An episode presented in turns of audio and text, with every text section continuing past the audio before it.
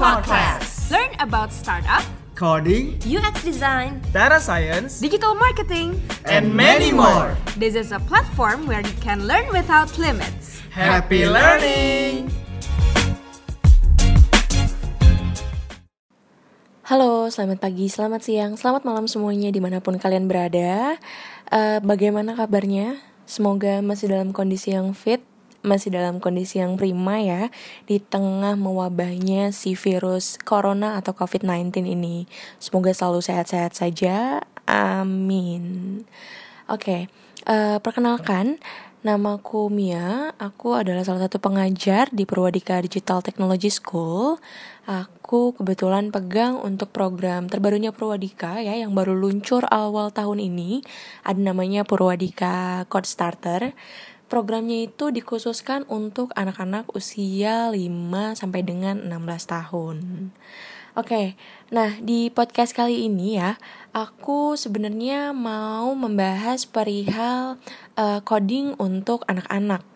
Nah, mungkin ya orang tua di luar sana nih yang anak-anaknya sedang libur sekolah nih karena si wabah corona ini, kadang suka masih bingung kali ya anaknya mau dikasih kegiatan apa lagi nih karena mungkin sehari-harinya cuma belajar di rumah atau mungkin waktunya lebih banyak dihabiskan untuk main game. Nah, ide untuk ajarin anaknya tentang coding ini bisa nih sebenarnya dilakukan oleh orang tua. Mulai bisa kita perkenalkan sejak dini ya. Jadi uh, mereka bisa mengisi waktu kosongnya mereka seperti itu. Nah, uh, di podcast kali ini um, hal-hal apa aja sih tentang si coding untuk anak-anak ini yang akan aku bahas. Pertama-tama aku akan um, share ya manfaat apa aja sih yang sebenarnya bisa anak dapatkan ketika dia belajar tentang coding. Selain itu, aku juga akan sharing ke kalian semua untuk uh, coding platform apa aja yang bisa kalian gunakan atau kalian pelajari ya di rumah. Jadi nanti um, anak-anak bisa coba belajar di rumah dengan coding platform yang akan aku kasih nanti. Seperti itu. Pertama-tama, yang sebelumnya aku bilang ya, aku kan mau sharing nih tentang manfaat apa aja yang anak-anak bisa dapatkan ketika dia belajar coding. Yang paling pertama banget, ketika kita memperkenalkan anak-anak kita tentang uh, coding, yang pasti bisa mereka dapatkan adalah mereka bisa mengisi waktu senggangnya mereka sekaligus mereka juga bisa mengasah kemampuan berpikirnya mereka. Selain itu, mereka juga bisa mengasah kreativitasnya mereka dan pola pikirnya mereka sendiri. Nah, uh, nanti akan aku jabarkan ya sebenarnya kreativitasnya mereka tuh bisa ke ar, uh, bisa keasah ketika mereka ngelakuin apa sih. Terus pola berpikirnya mereka juga bisa keasah ketika mereka ngelakuin apa nih di coding. Nanti akan aku share ke kalian. Oke, lanjut. Aku mau share tentang si uh, coding platform apa aja yang bisa parents gunakan nih untuk uh, mengajarkan anaknya atau memperkenalkan anaknya tentang coding. Nah, pertama-tama uh, sebenarnya yang aku sebutkan beberapa ini adalah uh, platform coding yang biasa aku gunain juga di kelas ketika aku ngajar anak-anak murid aku. Jadi sebenarnya ini nggak terlalu susah juga ya, lumayan mudah untuk dipelajari. Jadi beberapa platform coding ini juga sebenarnya sering banget nih aku pakai di kelas ya ketika aku ngajar. Jadi platformnya ini benar-benar uh, mudah sekali untuk didapatkan dan juga mudah untuk dipelajari. Oke, lanjut untuk ke platform coding nomor satu itu ada Scratch Junior.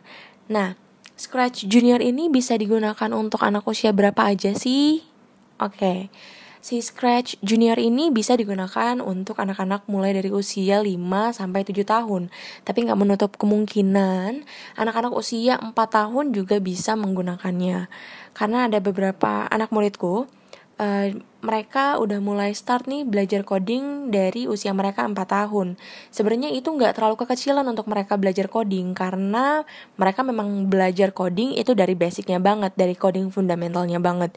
Jadi mereka kita ajarin step by stepnya untuk mereka paham perintah perintah-perintah yang ada di dalam codingnya itu tuh sebenarnya fungsinya untuk apa aja sih, kurang lebih seperti itu.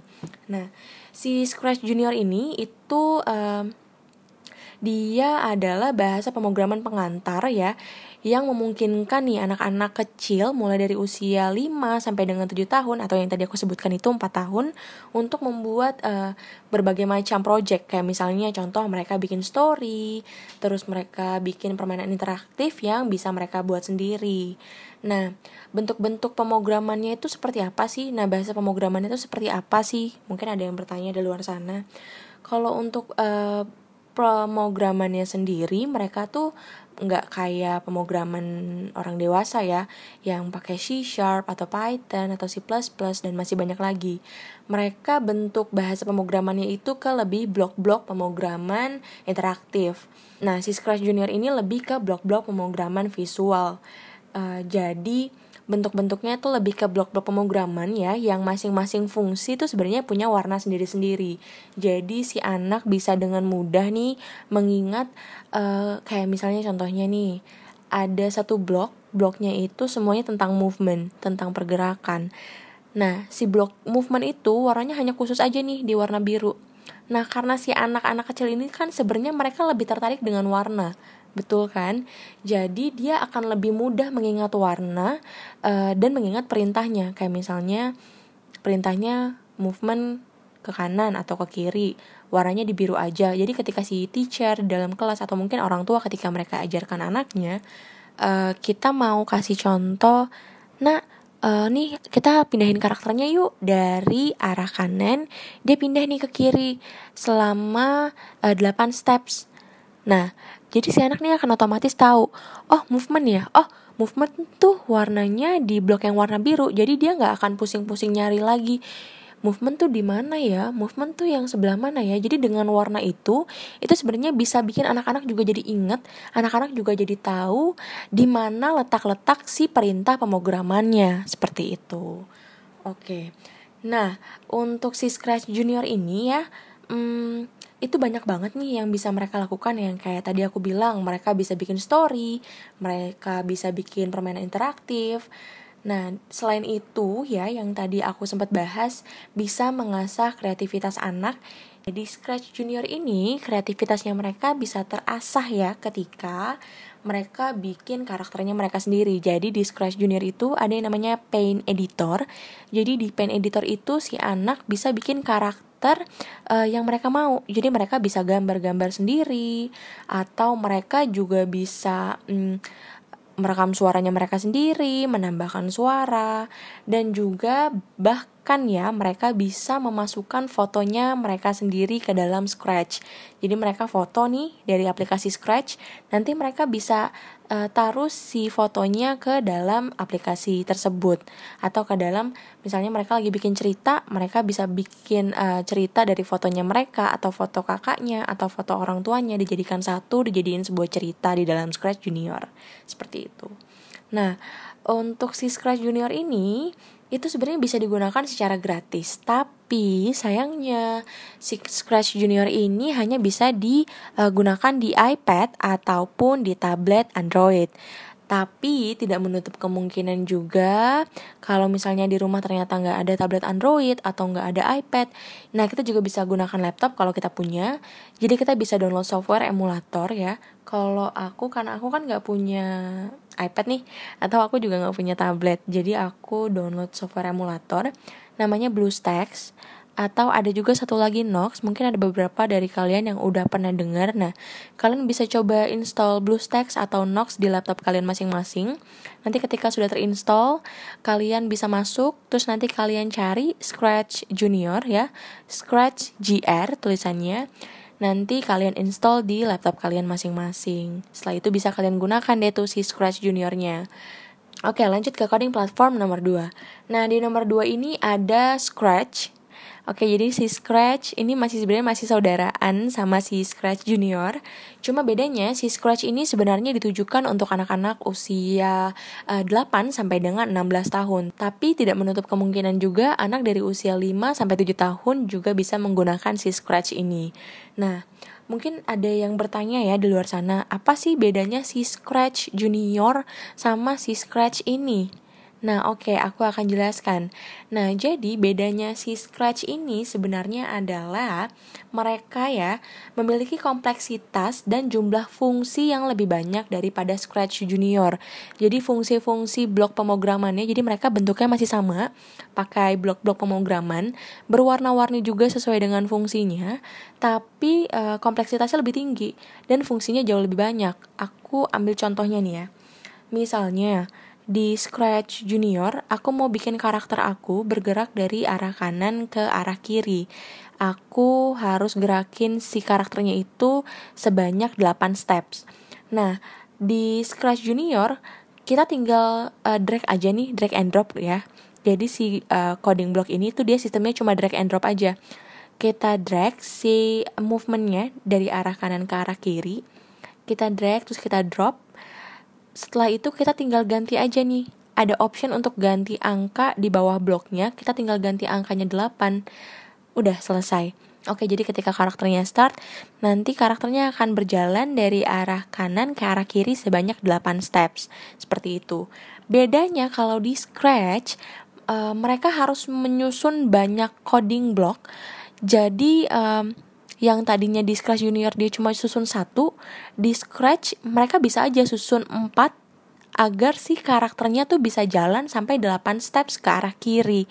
Kayak gitu. Jadi memang tingkat kompleksitasnya berbeda dan fungsi-fungsinya juga jauh lebih banyak yang bisa digunakan kalau di Scratch ini. Nah Selain itu apalagi yang membedakan selain fungsi-fungsinya yang lebih banyak dan juga uh, kompleksitasnya yang lebih tinggi. Di sini juga si kreativitas anak jauh lebih terasa lagi. Kalau tadi di Scratch Junior ya, mereka cuma bisa um, foto aja nih ambil foto atau mereka gambar secara manual kalau untuk si Scratch mereka ada option. Jadi uh, mereka bisa upload uh, vi, uh, mereka bisa upload gambar. Jadi mereka cukup buka aja Google.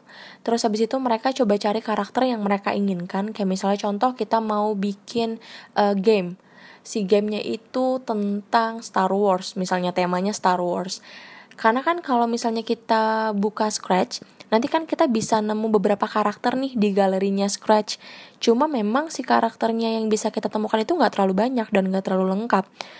Jadi kita bisa aja buka Google, kita cari karakter yang kita mau, kayak misalnya contoh aku cari karakter Star Wars, terus setelah itu aku uh, aku save gambarnya dari internet, terus nanti aku bisa upload ke dalam si Scratch-nya, seperti itu.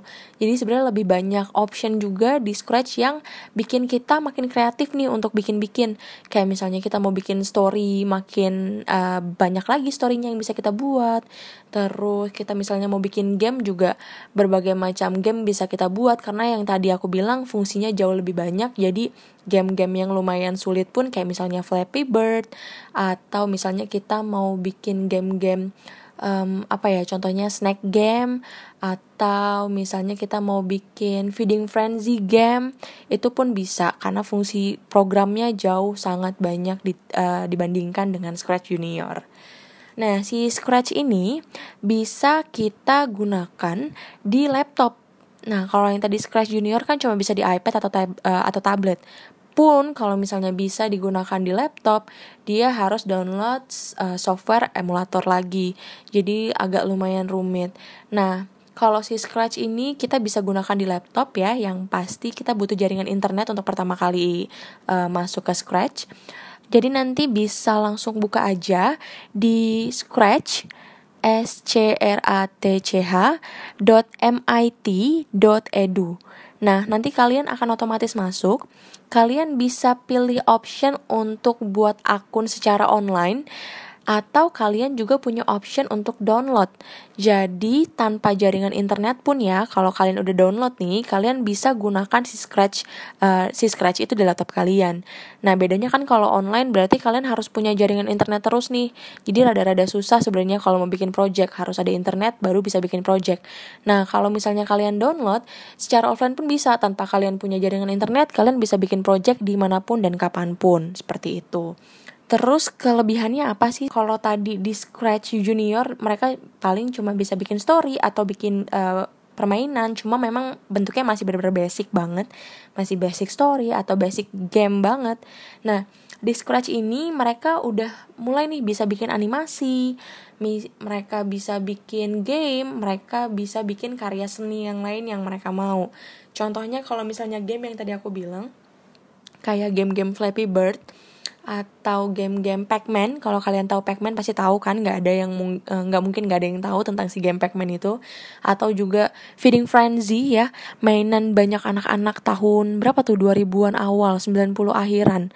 Nah itu kalian bisa bikin di Scratch ini karena memang tadi fungsinya aku udah mention berkali-kali fungsinya sangat-sangat banyak jadi kalian bisa bikin berbagai macam permainan di sini Cuma memang permainannya nggak sepro permainan-permainan di luar sana yang memang buatnya pakai uh, program yang berbeda seperti itu.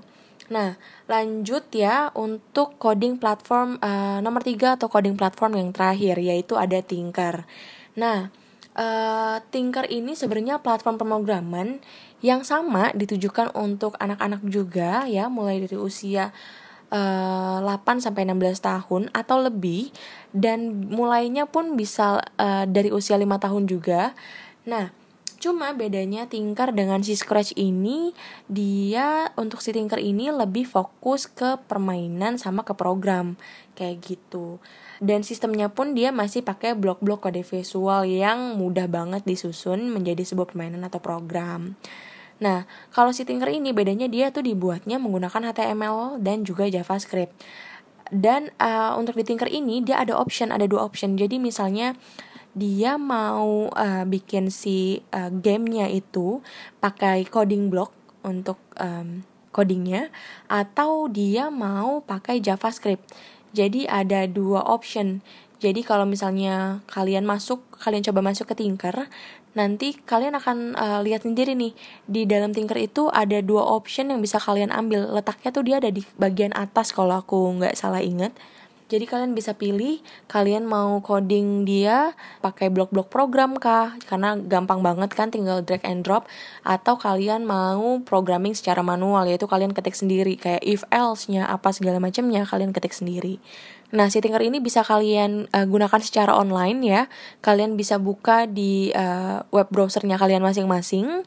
Tapi perbedaan lain yang menonjol antara si Tinker nih sama si Scratch itu adalah kalau si Scratch itu kan dia merupakan proyek kan open source. Nah, sedangkan Tinker dia tuh produk komersial sebenarnya yang bertujuan untuk menjual layanan kursus. Jadi memang option untuk di Tinker itu nggak sebebas ketika kita menggunakan Scratch. Nah, jadi sebenarnya balik lagi nih ke uh, para penggunanya. Nah, mereka mau fokusnya ke arah mana? Kalau memang fokusnya mau bikin game itu bisa pakai Tinker. Sebenarnya pakai Scratch juga bisa, cuma mungkin memang untuk si grafiknya nggak terlalu uh, sebagus kayak Tinker. Tinker tuh bisa dibilang grafiknya bagus banget, dia bisa benar-benar menyerupai beberapa game-game yang udah lumayan bagus di luar sana kayak gitu karena backgroundnya sendiri pun uh, dia benar-benar kelihatan beda dari si Scratch. Kalau di Scratch itu benar-benar udah plok dari sananya aja kayak gitu. Sebenarnya bisa kita rubah-rubah lagi cuma agak rumit. Nah bedanya kalau si Tinker ini si backgroundnya itu kita sesuaikan dengan game yang mau kita buat. Misalnya kita mau buat shooting game. Uh, atau misalnya uh, sorry misalnya kita mau buat game yang kayak Mario Bros uh, itu kan agak lumayan rumit ya untuk backgroundnya dia pindah-pindah sistemnya terus misalnya ada yang tadinya datar terus harus agak naik terus nanti harus agak turun ke bawah Nah, kalau di Scratch itu kan dia backgroundnya akan diam, backgroundnya tuh nggak bisa jalan. Sedangkan kalau misalnya si Tinker ini, backgroundnya itu tuh bisa berpindah dari satu tempat ke tempat lainnya. Jadi kita bisa menyesuaikan backgroundnya dengan si game yang mau kita buat seperti itu. Nah, jadi gimana? Kira-kira mau coba ajarin anaknya pakai yang mana dulu nih? Mau pakai Scratch Junior kah? Ah, mau pakai Scratch Junior kah? Atau mau pakai Scratch? Atau mau pakai Tinker? Nah itu bisa disesuaikan dengan usia anak-anaknya masing-masing. Yang pasti nggak ada salahnya nih untuk mulai mencoba ya memperkenalkan anak-anaknya ke dunia coding. Siapa tahu anaknya berminat ya kan? Terus bisa ikutan juga nih mungkin ke kursusnya Purwadika Code Starter kita benar-benar lengkap banget nih. Mulai dari coding fundamental kita dapat terus setelah itu game development juga ada robotiknya juga ada uh, dan masih banyak lagi animation atau microcontroller atau bikin website mereka sendiri pun ada. Oke, mungkin untuk podcast kali ini cukup sampai di sini. Nanti aku akan lanjutin lagi berbagai macam bahasan di podcast selanjutnya. Cukup sekian sampai sini dulu. Semoga podcast kali ini bermanfaat untuk para parents di luar sana yang mulai bingung kasih kegiatan apa ke anak-anaknya. Oke, sampai bertemu di podcast selanjutnya. Saya Mia, undur diri. Terima kasih. Thank you for listening Purwadika Podcast. Don't forget to follow to keep up with our upcoming episodes. See you and have a great day.